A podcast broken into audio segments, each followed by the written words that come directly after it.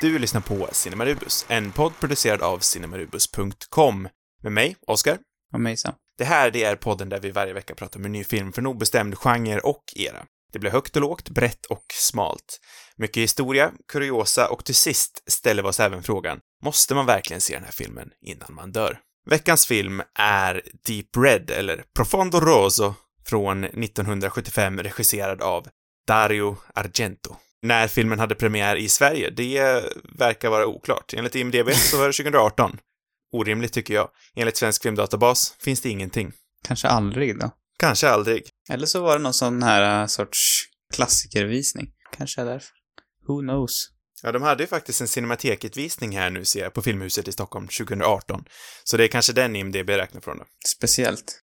Kanske är det så att vi ser en, eh, en upprepning från förra veckan där filmen var bannlyst. Inte en aning, nu chansar jag bara.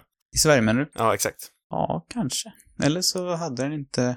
kanske inte var någon som ville se den, bara. Inte en aning. Eh, det här, bör vi kanske säga, är ju också den sista veckan i våran temamånad Skräck jorden runt. Mm. Vi har varit i Japan, USA, Tyskland och nu beger vi oss till Italien. Det fjärde landet som vi väljer att eh, förknippa med skräckgenren. Mm. Och då är det ju såklart en Giallo-film vi ska se på. Valet som Sam eh, lutade mot var alltså Deep Red. Mm, exakt. Sam, kan inte du förklara för mig vad den här filmen handlar om? What is it? Didn't you hear that? No, what was it? I don't know. Everywhere you look, everywhere you turn, death is running with you.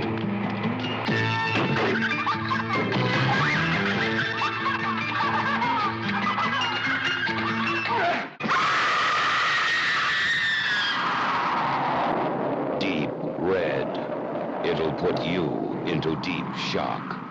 Den här filmen handlar om en jazzpianist som, eh, ja, bevittnar ett, ett mord, kan man säga, av en, någon sorts, vad heter det, psychic på svenska egentligen. En eh, Ett medium. synsk medium, ett medium. Synsk. Ett synskt medium. En kvinna som är ett synskt medium blir mördad brutalt i ett fönster och det bevittnar huvudkaraktären Marcus Daly Mark Daly. som spelas av David Hemmings som är någon sorts, en britt i Italien, tror jag, eller? Mm. En britt som Invandrad flyttat britt. till USA som sen kommer till Italien. Just det. Ja, men han är bara en simpel pianospelare som börjar luska i det här mordet och det får obehagliga konsekvenser kan man väl säga. Mer än så tror jag inte vi behöver säga. Eh, nej, det tror inte jag heller. Det här känns ju som en film vi kanske borde ha en spoilersektion på. Det, det kanske vi borde ha. Men det finns mycket ändå som jag tror man kan diskutera som inte är på Absolut. sånt territorie. Den eh, första grejen jag skulle vilja prata om Mm. är en observation jag har gjort. Mm. Och det är ju att den här Mark Daly, eller Mm. David, David Hemmings som skådisen heter, är han inte fruktansvärt lik en yngre eh, Paul McCartney? En yngre, ja, kanske, jag vet. Det kanske han är. Det var det enda jag kunde tänka på.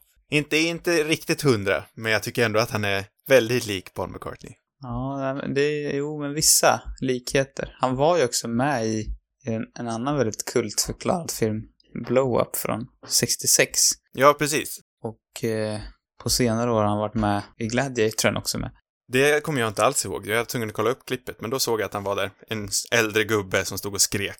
Ja, en fet, otrevlig romare som gillar show. Ja. Men jag kan nog se lite Paul McCartney också. Ja, det var absolut det enda jag kunde tänka på i alla fall. Han ser ganska t- töntig ut.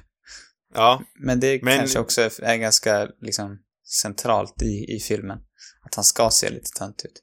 ska han göra det? Jag tänker att han ska vara rätt tuff.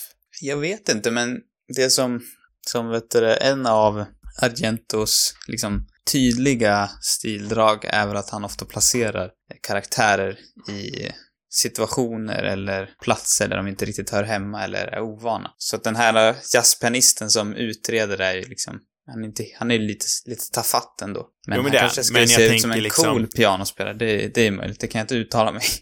Nej, för det är det jag tänker. När han går ner på gatan, då är han liksom en cool katt. Men i den här situationen, där är han lite out of his League, som de säger. Jo, i och för sig. Alltså, det verkar ju verkligen som att...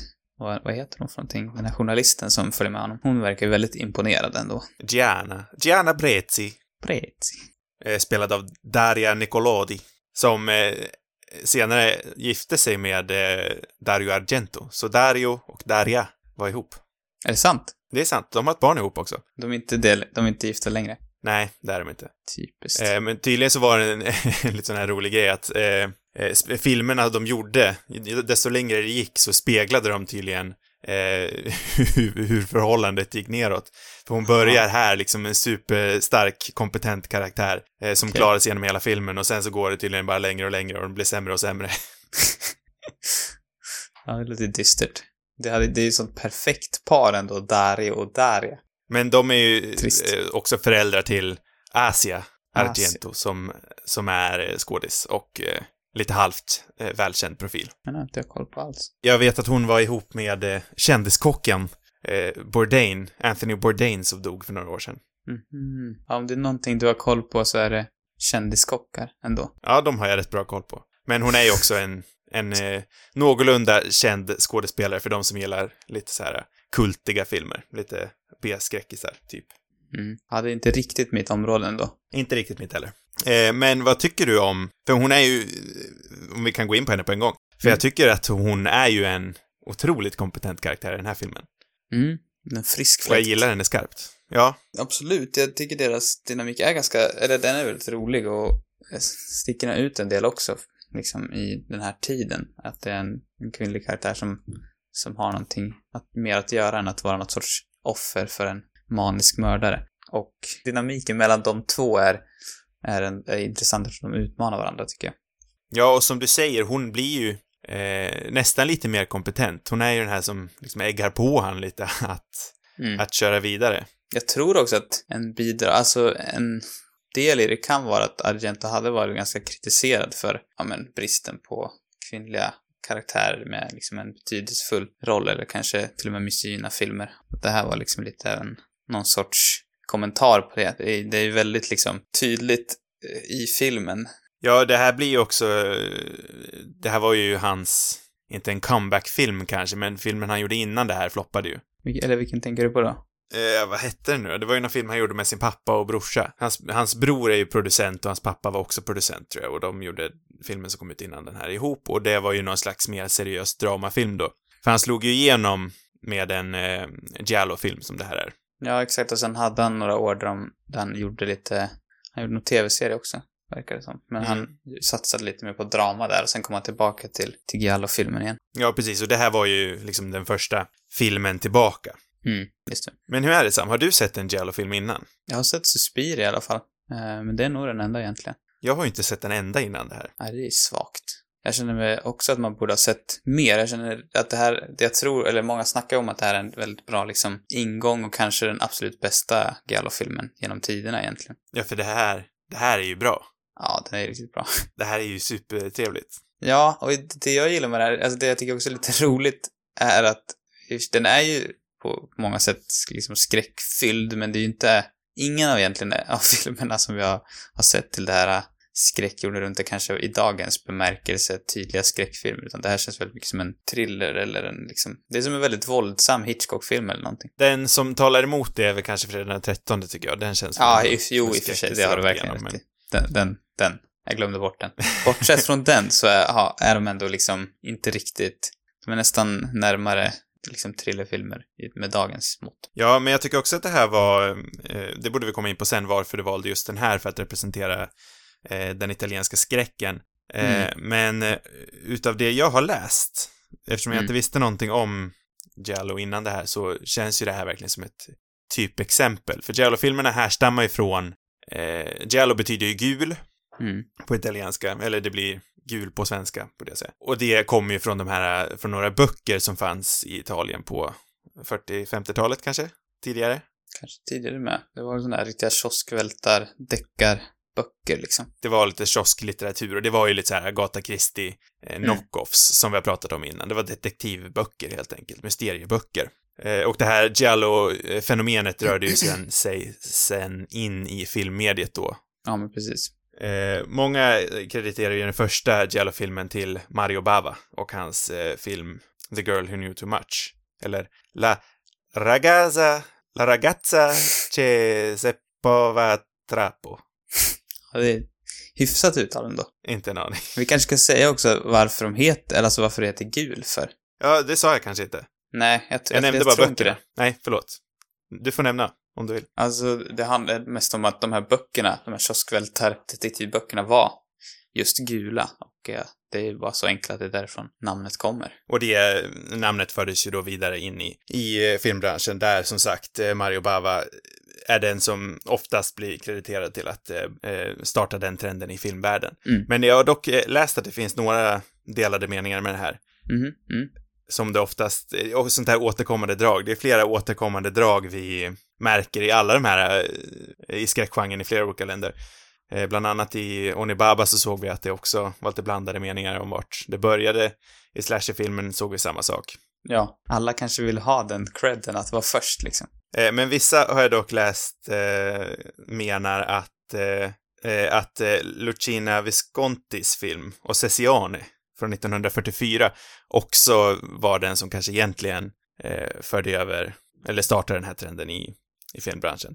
Men Bavas film är väl den som liksom mest traditionellt anser. Det var väl den som spikade alla troperna. Ja, för att om jag har förstått rätt så det fanns ju fortfarande liksom filmer baserade på den här typen av litteratur tidigare, men kanske inte hade de här liksom grunddelarna som, eller som kanske inte var lika, ja men det som så tydligt definierar just den här trenden, men att det fortfarande var baserat på samma typ av litteratur. Ja, men exakt. Det var lite som vi såg där i slasherfilmerna, att eh, Psycho kan absolut räknas som en slasher, men det började väl mer sen med Psycho och det byggdes vidare med Fredag den 13 och så vidare. När vi ändå är där inne och går in på vad är det liksom som är de tydliga ingredienserna för, för en riktig gallofilm? Eh, ja, som jag tolkar det så är det ju främst liksom det här mysteriet. Mm. Det är en mystisk mördare som vars identitet man inte vet om oftast, va? Ja, precis. Lite av en whodunit historia helt enkelt. Vi kommer ju återigen tillbaka till Agatha Christie som kanske är urmoden till, Är mycket skräck. till eh, lite otippat kanske, men Ja, det är inget man tänker på. Men jag, jag, jag tror ändå man kan dra tillbaka Giallo-trenden till henne också. Lite grann i alla fall. Sen finns det vissa grejer som är, som verkligen inte gäller för alla Giallo-filmer, men som ofta förekommer och det är ju eh, de här svarta läderhandskarna och vassa knivar och det mycket blod och liksom den delen av en maskerad mördare. Visst, eh, ska det ofta vara en detektiv med också, eller har jag missuppfattat det? Ja, jag alltså eftersom någon sorts whodunit så antar jag det, men sen i vilken form, det här är inte, i den här filmen är det inte en riktig, men han blir väl någon sorts detektiv liksom. Vi har ju en detektiv här och han är, han är ju underbar. Ja, den riktiga detektiven. Jo, Han är så jävla härlig. en vildsint herre. Ja. Ja, Men han känns ju verkligen, jag, jag kan lätt se han. Jag, jag vill ha en spin-off-serie med den här detektiven. Ja, det skulle vara ganska roligt att se. Jag kan lätt se han stå upp där med Poirot och den här snubben som Daniel Craig spelade i, i eh, Knives Out och...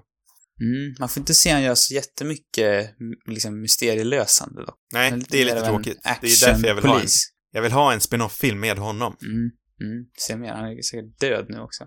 Ja, det är lite synd i och för sig då, men Ja, eller inte, det vet vi inte. Han kanske är alive and prosperous. jag hittar inte riktigt här på... Han är inte högst upp i, i listan på skådisar. Nej, och vissa saknar bild, så jag vet inte riktigt. Kan det vara Bardi? Bardi. Jag kommer inte ihåg vad han hette faktiskt. Nej, den här måste det vara. Supt. Calcabrini. Eros Pagini, kan det vara han? Det är möjligt. Ja, Hör ja. inte riktigt till saken. Nej. Ehm, Nej, men där har vi väl eh, några av de liksom starkaste... definierande dragen, ja. Precis. Ja, och sen har det väl liksom utvecklats eh, med åren också och blivit fler grejer. Men det där är väl kanske själva grund, grundfilmen och det som de kanske mest kända, eh, Mario Bava och Dario Argen- Argento, ofta har liksom spelat med. Ja, Argento är ju liksom helt medveten om det här. Han lite som eh, Wes Craven till exempel, som var väldigt medveten om eh, själva liksom slasher-tropen han hamnade i, Mm. som också spelade på dem sen i Scream till exempel. Mm. Vi ser ju också det med Argento som sen gjorde en film vid namn Giallo. Mm. Och han hade ju tydligen också en tv-serie om jag förstår det rätt. Jag tror den hette Giallo med. Mhm. I Italien. Eh, där han figurerade lite som Hitchcock i sin serie. Alfred Hitchcock Presents. Mm. Eh, där han, eh, jag har inte sett något av det här, det här var bara någonting jag hörde i förbifarten. Eh, men där jag, om jag förstår det, där han presenterade liksom kortfilmer. Ja, det. Då han presenterade avsnitten. Vilket också ledde till hans eh, smeknamn, enligt vissa, där han kallades för vitlöks-Hitchcock. Är det hans utseende det? Ja, det vet jag inte, men vitlök Italien. Ja. Ja. Ja. På tal om smeknamn så har vi också ett västerländskt smeknamn till Giallo-filmerna som är Spaghetti Thrillers. Mm, just det. Det är ju snyggt.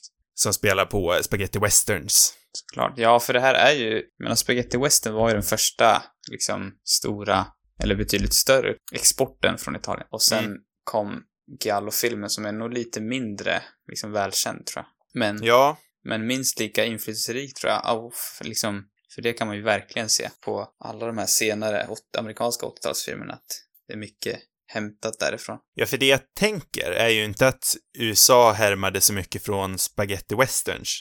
Nej, Eller, ja, Nej, för där var det egentligen eller- italienarna som på något sätt gjorde en variant på den amerikanska westernfilmen. Precis, men sen ser man, nu kallar jag inte Italien för västerländskt, men det är det ju. Mm.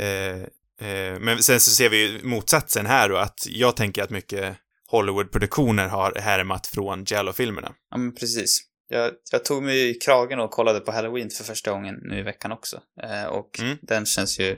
Den har ju inte det här liksom färgstarka fotot som den här filmen, men det är, ju väldigt, liksom ändå mycket liksom liknande vibbar och inspirationen är ganska tydlig ändå. Ja, och samma sak i Fredag den 13 också. Vi ser ju de här eh, återkommande dragen som man också egentligen skulle kunna dra tillbaka till förra veckans film Nosferatu, att man ser den här eh, subjektiva kameran. Mm. Antar jag väl att man kan räkna den här första personsvinkeln. Ja, men absolut. som vi alltid ser mördarens synvinkel från. Vi ser alltid, det är liksom kameran som mördar offren. Mm. Det jag egentligen glömde också när vi ändå, alltså på de här tydliga liksom särdragen för Gallo-filmen så är det ju också där den erotiska eller den sexuella liksom, ja, ingrediensen som också är ganska tydlig. Kanske inte så mycket i den här, även om det finns lite Nej. vissa fetischa bilder möjligtvis, men, men säkerligen i, i många andra mycket mer. Och det har ju också eh, liksom inspirerat senare filmer och till och med, eller jag tror att Gallo-filmen blev mer liksom åt erotiska thrillerhållet senare under typ 80-talet och så vidare.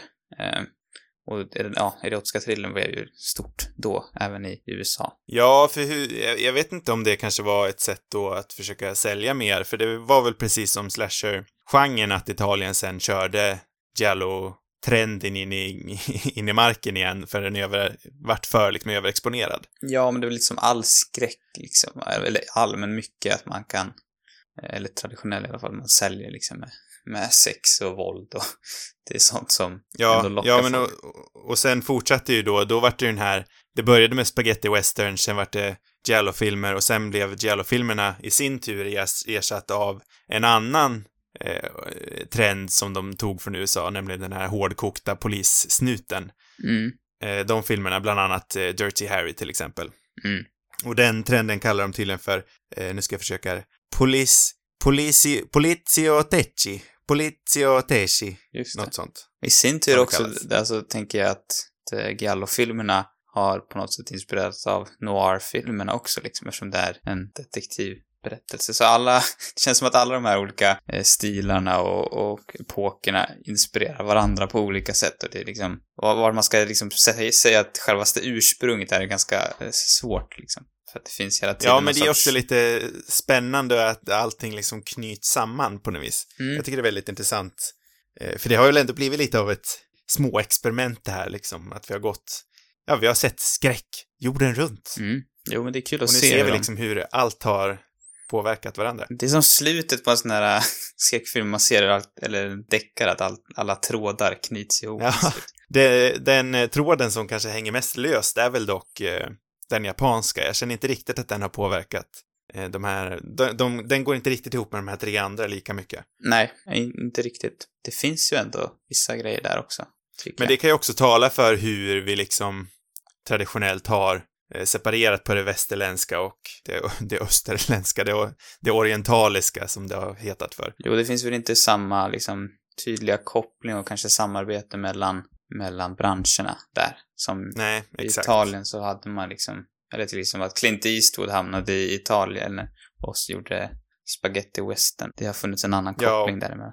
Ja, men man har ju tagit folk från olika länder, som du säger. Det ser vi ju även i den här filmen med, med eh, David, David Hemmings som kommer från Storbritannien in Mm. och bli dubbad över den här filmen. Ja, ja men precis. För jag tänkte faktiskt på det, eh, jag såg några klipp från den amerikanska dubben av den här filmen. Mm.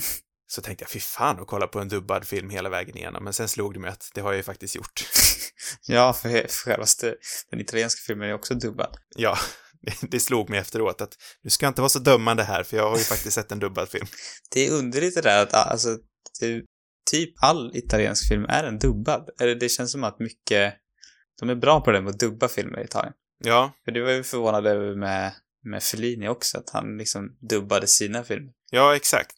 Nu kommer jag inte ihåg, det finns väl någon anledning till det. Det är väl, igen- var det bara liksom så enkelt att, att det var lättare att dubba efteråt? Ja, det kanske också var en export, eller nej, jag vet inte för sig. Det borde inte saken att göra. Nej, men undrar om det inte var, i alla fall med spaghetti westerns, undrar om det inte var så att man liksom tog in skådespelare från runt om Ja. och sen var det bara lättare att dubba allting efterhand. ja men nu höftar jag hej vilt, så det där... Källa behövs. Det, vi, alltså det som jag kommer ihåg att Fellini, en av hans anledningar var att han gillade att kunna ändra dialogen i efterhand. Mm, Så att det finns säkert mängder av anledningar till, till just det. Eh, precis. Men det är lite konstigt, det är lite konstigt liksom. I den här filmen känns det lite onödigt att ha det dubbat. Ja, jag, jag vet inte, Hemmings antar jag inte talar italienska. Nej, det är för Eller så sant. gör han det. Jag antar att han...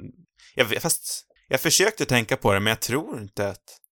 Det känns som att hans läpprörelser ändå synkar rätt väl. Jag vet faktiskt inte. Det, det, var det, det är ju roligast av alltihopa, det tänkte inte, det reflekterar inte ens jag. Jag tänkte bara att, att alla var dubbade, men det reflekterade inte över att det var någon annan kanske som gjorde hans italienska Ja, nej, det var det, det var det jag menade. Jag tänkte bara att så här, ja men han, han hade tränat, han var skicklig på italienska.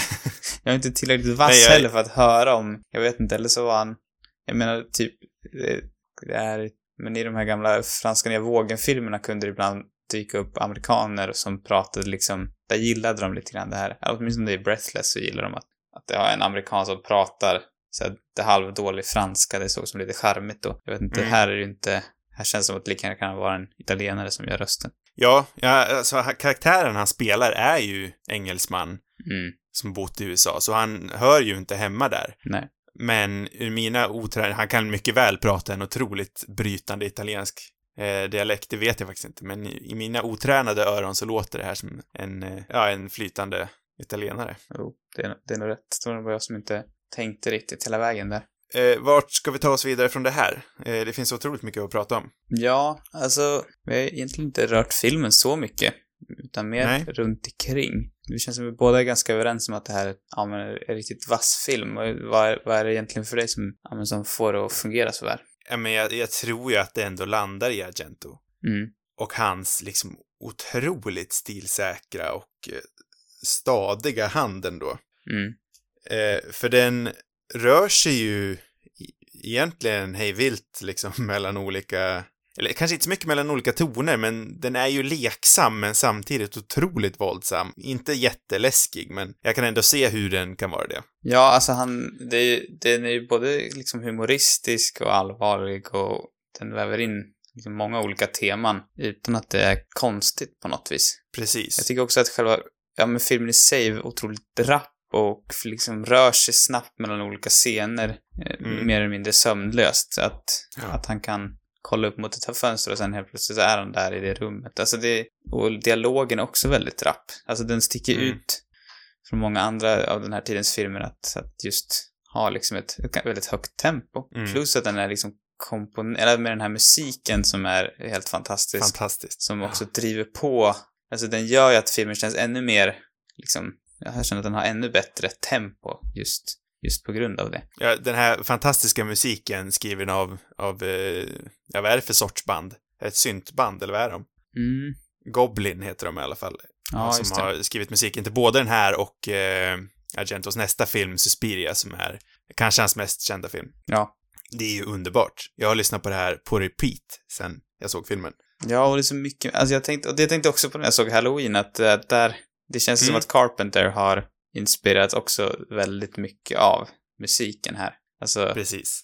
men, men det här är ännu bättre tycker jag. Alltså, Carpenter är ju grym på att göra de här, liksom, tunga synt och väldigt enkla, liksom, melodierna. Men här, i den här filmen är det på något vis ännu mer. Jag tycker Halloween blir, även om den är grym, själva liksom titel, eh, musiken så kan det efter ett tag bli lite uttjatat. Här finns det liksom, ja, men det finns mycket mer på något vis. Sen är ju, jag vet inte om det var det vid den här tidpunkten, men Argento och Carpenter är ju polare. Mm.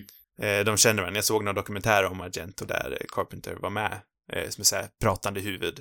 Det kanske var senare, tänker jag ändå. Eller, Det utgår jag också från. som jag vet inte, när kan det slog Carpenter? Slog han igenom med Halloween? Eller han gjorde Ja, det var ju med Halloween, så det, ja, nej, de kan ju inte ha varit polare här. För Halloween var väl tre år efter den här, va? 78? Mm. Ja, precis.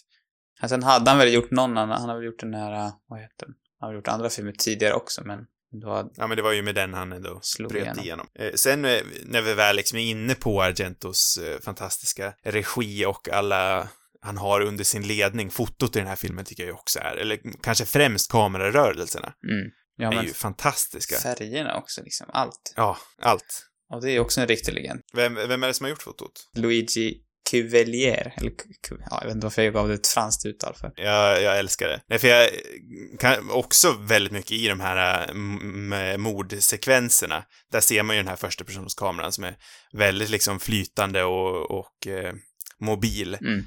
Men det är ju massa andra bilder också som är helt underbara. En som verkligen fastnade hos mig var, eh, ja, hur ska man säga, alltså, vi är i något slags abstrakt svart rum. Mm. Så zoomar kameran över små, ja, vad ska man kalla det för? Det är små, små olika, det är små leksaker och Ja. något litet snöre och lite sånt där. Mm. Det är en bild som verkligen fastnade hos mig. Men sen är vi också i den här röda salongen i början, är de i en röd teatersalong. Ja, och den ekar för mig på något vis väldigt mycket David Lynch.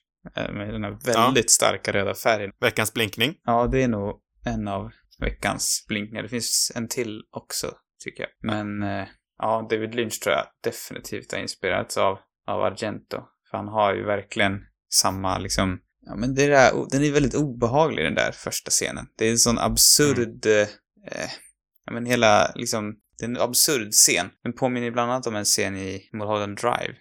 Då är det i för sig en sångare, men det är just de här eh, röda draperierna. Han har väl tagit, David Lynch har väl gjort de blåa draperierna till sin grej, men nej, i och för sig, röda har han i Twin Peaks också. Jag skojar bara. Han gillar draperier, det, det tror jag han har fått härifrån. Och det här, liksom, lite okulta, synska, gam, eller okej, hon är inte gammal här, men synska kvinnor och, ja, mycket. Jag tänker ju direkt till eh, Inglourious Bastards också. Mm. Slutsekvensen där. Ja, I den röda salongen. Ja, men precis. Det var den andra jag också tänkte på. Det finns ju den här, äh, i den här filmen så är det en close-up när de sminkar ögat, typ, Mm, som är jag verkligen tänkte samma sak också. helt plockad till Inglourious Basterds. Tog jag din blinkning nu eller? Ja, du stal den av mig. Men jag hade Ja. en till, så det, Ja, vad bra. det är fair. Men jag har också en till blinkning så. Ja, du har ännu flera. Om vi ändå, jag vill bara, Ska vi ta- när vi nämner på ögat, så vill jag Ja. bara, en av Mm. mina favoriter är när den här zoomar in på ett öga som gömmer sig i mörk, i en mörk garderob Mm. eller någonting, så man ser bara Mm. ögat. Det är otroligt snyggt också. Ja, det är, ja, nej, det är så mycket i den här filmen som är så fruktansvärt snyggt. Vad är din, vad är din tredje eller din andra blinkning? Ja, ska vi ta min blinkning på en gång? Ja, jag tycker vi, nu, nu tar vi dem. Det är ju kanske eh, det snyggaste eh, fotot, fotoscenen eller fotosekvensen i den här filmen enligt mig. Mm. Och det är ju när ett av min, nu kommer jag låta väldigt kulturell här. Det är ju när en av mina eh, favoritmålningar helt plötsligt dyker upp. Mhm. Nattugglor målade av Edward Hopper. Ja, du. Eller Night Owls. Just det är ju det. när den här Diner... Eh, diner... Vad säger Vad heter det på svenska? Ja, det är någon Någon- slags café där i bakgrunden.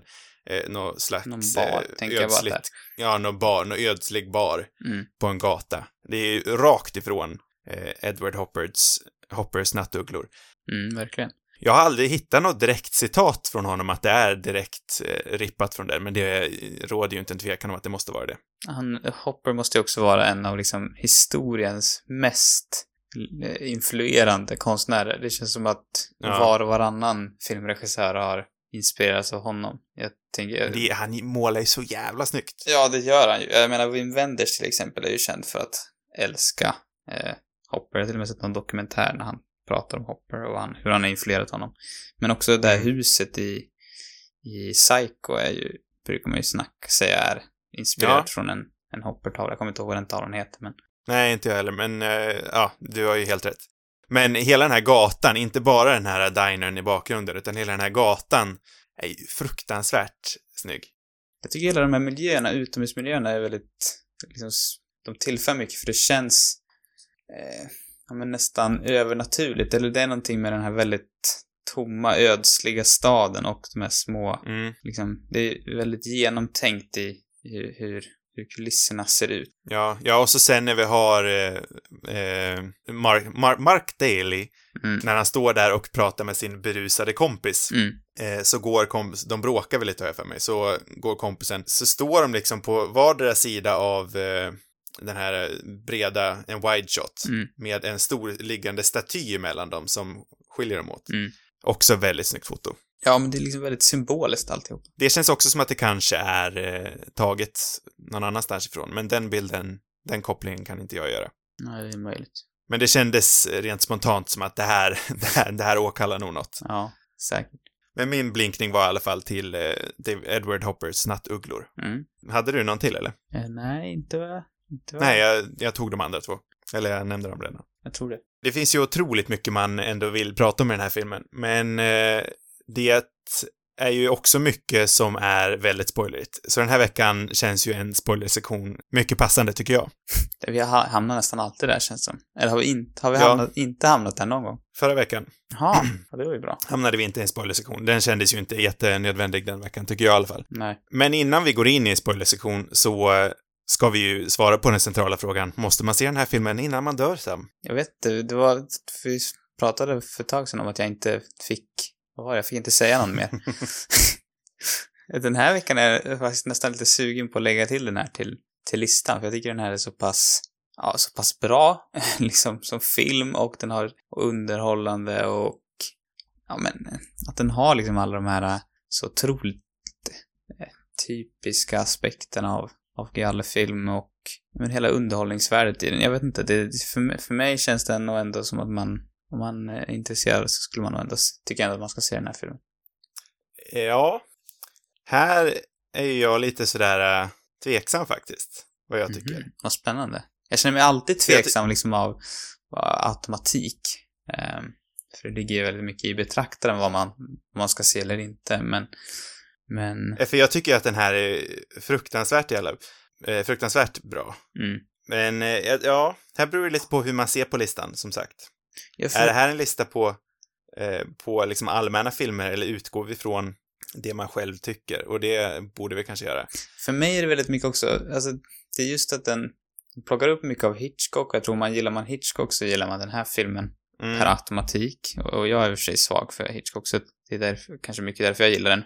Men också, liksom, om man gillar en Tarantino-film till exempel, så tror jag man kan uppskatta den här väldigt mycket också, just med hur den jobbar med musik och starka bilder och, ja, och dialogen Ja. som också, det är inte kanske en Tarantino-dialog, men det är en väldigt liksom rapp, eh, välskriven dialog, om en dubbad i efterhand, men, men ja, jag vet inte, för mig, jag, jag tycker ändå att, att det känns som att den har otroligt liksom stor inflytelse på senare grejer och inte bara det, utan att den är väldigt liksom bra underhållande också. Ja, det var ju ett otroligt starkt argument som nästan övertygade mig. Vad får, du valde ju ändå den här, du har ändå valt nästan alla, förutom den här. jag vet, och det är det som får mig att börja, Jaha, du måste, nu måste du börja- tagga ner. att börja tveka lite nu. Nu är jag ju för, för snäll här med mina ja. Mm. Det är nästan så att jag så här i efterhand, ska jag ta bort Onibaba från min lista?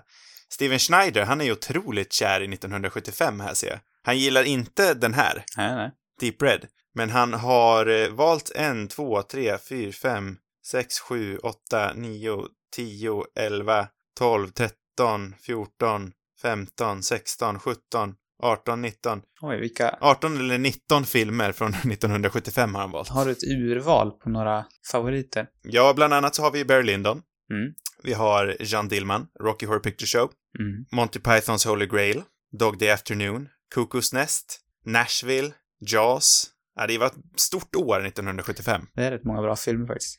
Rätt många bra filmer faktiskt. Jag har ju inte heller, gud vad jag velar nu, jag har ju inte heller sett Suspiria.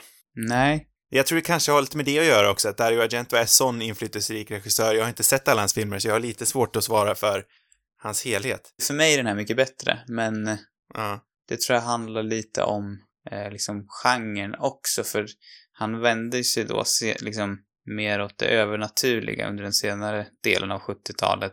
Och det är ju inte i samma bemärkelse lika kanske typisk eh, Giallo-film. Nej men den här, jag gillar den här just för att den är väldigt mycket Hitchcock och sen väldigt mycket något, något annat, något mer. Suspiria är också eh, liksom en väldigt häftig film, men den, den känns mer åt, åt skräckhållet än vad den här gör. De är ju bra på olika vis såklart, men den är... Ja, man skulle kanske återbesöka våra listor igen om ett tag.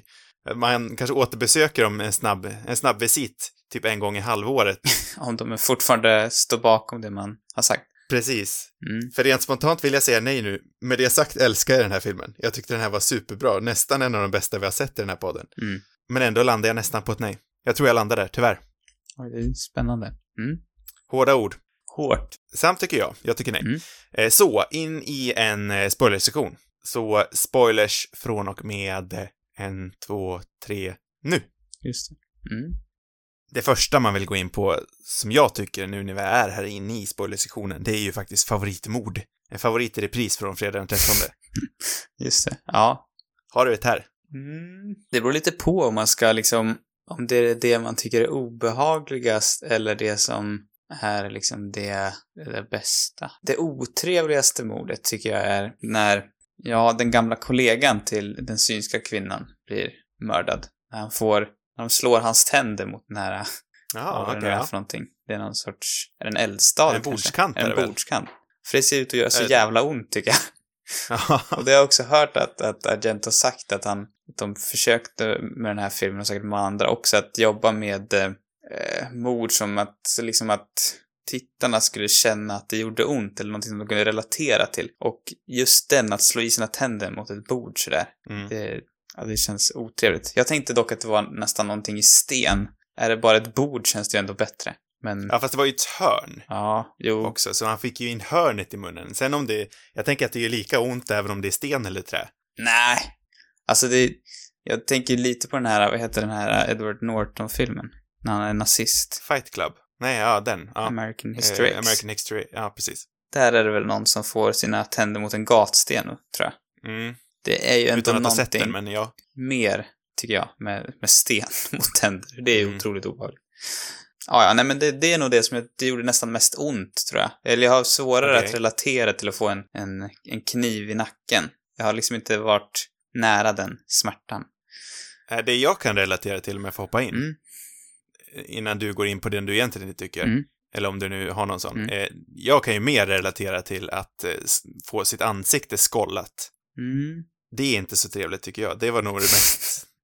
det var den jag verkligen. Ja, den är inte heller trevlig. Och där var det så bra smink också. Ja, ja, den såg också äcklig ut. Det var nog den kanske äckligaste. Ja, ja det var mest, mitt eh, mest obehagliga mord. Men jag, precis som dig, har nog ett favorit och ett mest obehagliga. Jag funderar dock på vad mitt favorit är, men jag gillar kanske det första nästan mest. Mm, för det är mitt, mitt eh, favoritmord också. Vilket i och för sig också ser rätt obehagligt att få liksom sin hals mot en glasruta sådär. Men det är också så hastigt. Mm. Jo, där. Men det sätter ju verkligen tonen. Jag tror det är därför jag älskar det så mycket också, för det kommer lite oväntat ändå.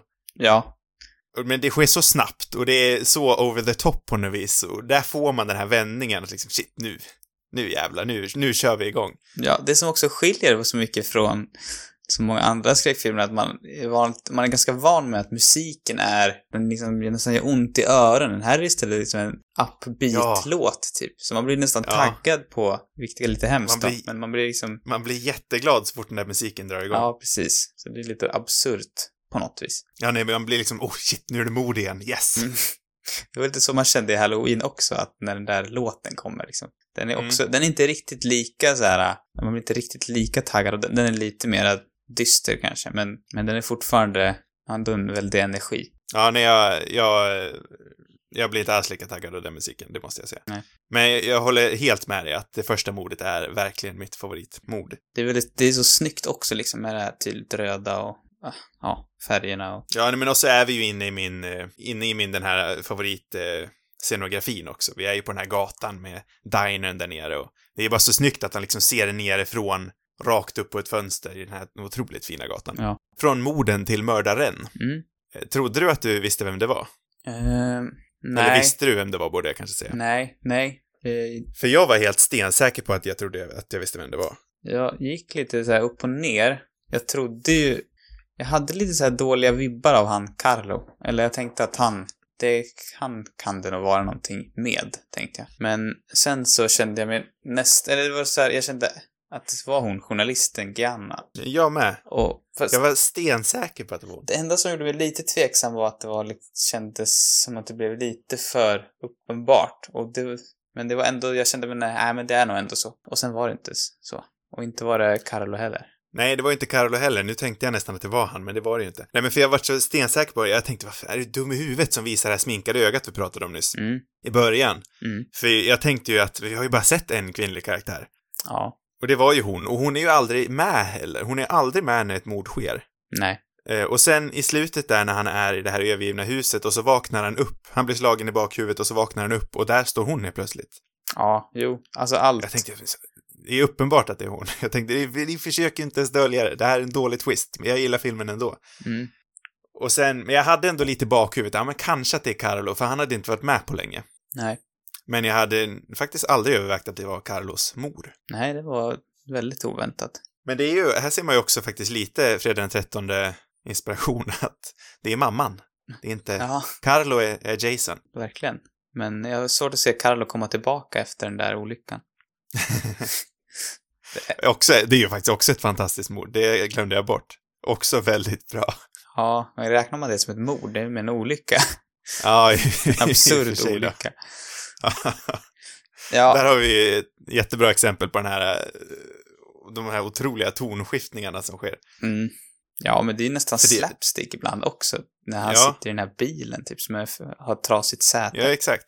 Just det. För det måste ju vara menat att det här, att hans eh, olycksfall, det måste ju vara roligt. Ja, ja, men jag tror mycket, alltså, överhuvudtaget liksom själva premissen för, för hela Gallo-genren känns som att den är lite, den tar sig inte allt för stort allvar med den här läderhandske, jag vet inte, kanske är för att man liksom nu, sk- att det blir så otroligt eh, typiskt för, eller liksom den här arketypen av en mördare på något vis, men Mm. jag tror även då att en, en skinnhandske beklädd kniv bärande mördare, alltså det, det finns något, ändå något komiskt i det hela. Eh, men vad tycker vi sen om själva avslöjandet då? Ja, jag tycker det är fantastiskt bra. Absolut när man får se när han återbesöker den här korridoren och inser att, att den här tavlan som han har saknat tidigare i filmen, eller trodde var försvunnen, bara var en spegel egentligen och att det var hon som stod där. Det är ju Mm. fantastiskt och man kan gå tillbaka och kolla och verkligen se att, att det är, är hon där liksom. Ja, hon var där. Ja. Hon är där i för, i den sekvensen alltså. Mm. Oj. Ja, det vill, nu vill jag nästan se det igen. Jag tänkte inte att de visade det, men det gjorde de kanske. Ja, jag tror det i alla fall, för jag såg ett klipp. Jag, såg, jag kollade inte tillbaka, men jag såg ett klipp på YouTube när de, och då var det just den scenen, typ, så att jag tror det faktiskt är med. Ja. Ja, nej, jag, jag håller med dig. Jag tycker också det är väldigt snyggt.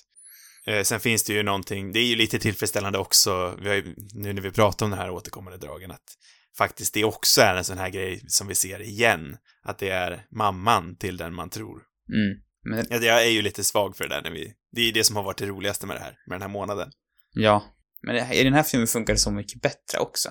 Mm. Annars är man lite trött ändå. Det känns också lite morden i midsommar på något vis, som jag har varit inne på tidigare tror jag, men att det är den här, eh, gamla tanten som har gjort allting. Det Mm. känns som varannat avsnitt mord i midsommar är någon gammal tant som har gjort allting. Man, inte riktigt, nej, jag- man kan inte riktigt köpa, alltid köpa det på något vis. Och sen är det alltid någon Ja, sån här ja. sista scen när de står och förklarar varför de gjorde det. som är väldigt, väldigt roligt. Eh, Ja, men, ja, den har de ju faktiskt här. men i den här filmen är det, ja, jag vet inte. Det, det funkar ändå mycket bättre. Mm. Sen är det lite, alltså, eller man har ändå svårt att se henne att hon ska vara så, liksom farlig, som man. Med tanke på hur gammal hon ändå verkar vara. Men, Ja, och väldigt stark. ja, exakt. Hon gör, ja, hon gör ganska, alltså, det går inte riktigt ihop kanske, alla morden. Nej, och hon eh, ser, ser väldigt lång ut också när man ser henne springa ifrån där. Mm. Det var ju en sån här grej så i och för sig som, eh, som fick mig att tro att, jo det var det som fick mig att anta att det, att det inte var Carlo eftersom han såg ju mördaren springa ifrån. Ja, Och just vi det. såg båda två i samma bild dessutom. Det var därför jag aldrig riktigt övervägde Carlo seriöst. Nej. Vi har aldrig riktigt pratat om den här äh, herrgården i och för sig. Nej, inte herrgården. Och det är också de, de delarna jag inte riktigt hänger med på allt. Eller jag skulle behöva se den igen, känner jag. Mm, Inte heller så mycket om... För hela filmen grundar sig i något sorts liksom barndomstrauma också. Där, mm, där hon, mamman tar livet av Carlos pappa. Mm, exakt. Och man förstår ju att, att hon har blivit liksom inte så väl behandlad av honom som hon berättar för, för, för Mark tidigare där i, när han kom på besök. Men jag vet inte hur det här huset hänger ihop riktigt med allting. Men var, var inte det barndomshemmet Ja, bara de har då? bott där bara. Är det Ja, pappan det antar som sitter där också i huset såklart? Ja, det, ja, det är det ju. Så är det Men, och så den här vaktmästaren och hans eh, psykopatunge som är otroligt obehaglig. Ja. Som, är det bara där för att vara en sån här, eh, en red herring? En falsk? Ja, kanske det. Och jag antar att Carlo, har- han har väl gått på den där skolan som hon går på, så hon blir väl någon sorts... Ja, Ja, hon är inspirerad, just det, hon är inspirerad av hans målningar, är det så det är? ja det tror jag. Så är det, ja. Det är så det knyts ihop. Ja, nej, jag, nu, jag håller nu med. har jag också... det. Nu, nu, nu fattar jag hus. Eller jag förstod att det var något kopplat med barn, men jag vet inte, jag hängde inte riktigt med på, på allt. Men nu blir det ju Nej, väldigt nej. tydligt att han hade Nu målat på väggen där ihop. och... Men jag, jag håller också, det är väldigt snyggt och det går ju ihop. Men om något så är det väl kanske det jag hade kunnat kapat, nästan. Huset? Ja. Nej, jag skulle inte vilja kapa någonting, känner jag. Nej, jag vet inte jag heller. Men om det, ja, ja, nej. Men där får vi ihop det i alla fall. Ja, nu, det, jag skäms nästan över hur jag inte kopplade på en gång. Eh, en grej vi skulle kunna prata om i spoilers här också. Mm. Eh, en sån här grej som jag faktiskt, ett återkommande drag som vi faktiskt har sett i de tre andra filmerna, men som inte dyker upp i den här. Nej. Det är ju att Mark Daly, han är inte så här, eh, han gör inte det här eh, dumdristiga misstaget som de andra protagonisterna gör. Nej, just det. Mark Daly gör ju ingenting som han blir bestraffad för. Han är ju ett, han är ju en oskyldig eh, beskådare som bara blir indragen i det här. Mm. Eller hur? Ja, det skiljer ju sig. För mamman i Onibaba, hon, hon gör ju sig skyldig eh, via sin avundsjuka. Mm. Ungdomarna i, i Fredag den 13, de är ju syndiga enligt, enligt eh, Amerikas eh, grundvärderingar i hjärtlandet. Ja. och, eh, hur var det? Jo, och eh, Hu- Huta Skjorta. i Nosferatu är ju också dumdristig. Han tror ju inte på att Nosferatu finns Nej. och därför blir han bestraffad. Mm. Men här, Mark Daly, han, Mark Daly, han gör ingenting. Nej. Eh, vilket är... Eh, ja, jag vet det, det kan få mig lite att inte riktigt köpa varför han blir så indragen i det här. Ja. I och för sig, jo, i och för, i och för sig, han blir ju indragen för att han blir mordhotad. Ja, den är väl För bara är nyfiken och honom. eller liksom lösa allting. Ja, men äh, vill han inte lösa det för att mördaren är efter honom? Men varför Jo. är mördaren efter honom? För att han är vittne, antar jag. Och för att han luskar i, i morden. Är, ja, ja, han kommer kanske bara efter. Är det, är det en synd att vara nyfiken? Det är det kanske. Jag vet, vad är de, vad är dödssynderna? Äh, ja, vad är dödssynderna? Men nyfiken är väl inte en dödssynd dock?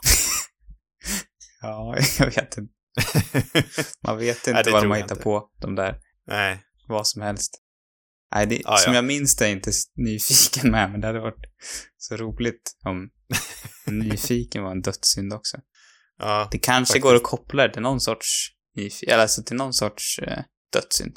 Ja, nej, rent spontant har jag svårt att se det. Jag har tänkt lite på det. Ja. Nyfikenhet är väl den jag kom på nu och kanske den som känns mest befogad då, men det tycker jag också känns konstigt. Han lägger sig i andras business.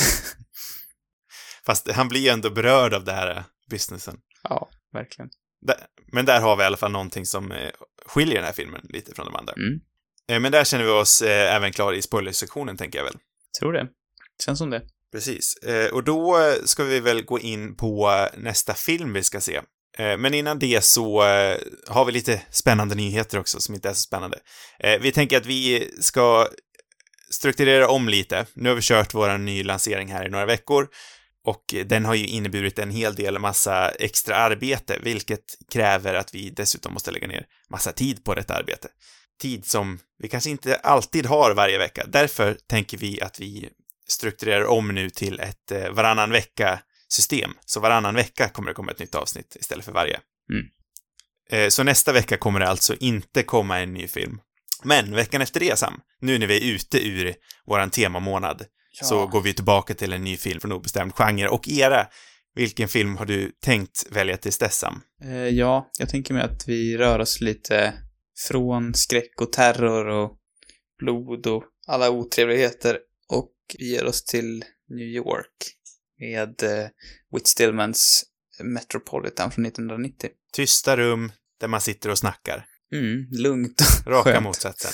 Någonting Lugnt annat. och skönt. Det kommer bli härligt. Ja, Lite change of scenery så här efter en månad med blod och terror och gegga. ja, precis. Underbart. Faktiskt en film jag aldrig hade hört talas om innan. Nej, det borde du tycker jag. Eh, väldigt intressant. Mm. Jag har inte Eh, sett den den nu, finns att jag vet inte varför jag säger att du borde, men... Nej, men det borde man kanske göra. Vi får, det återkommer vi till nästa vecka. Mm. Den finns att se på Cineasterna, topptjänsten som vi ofta rekommenderar om man har tillgång, vilket jag tror att de flesta i Sverige har vid det här laget. Yes. Så passa på att se på den till nästa vecka. Fler avsnitt, de hittar ni på cinemarubus.com eller i era andra poddappar. Har ni frågor och vill ha svar eller kanske ett förslag, skicka in det till cinemarubus@gmail.com. Sociala medier, det har vi också. Där heter vi Cinemarubus på Instagram och Twitter. God natt, allihopa. God natt.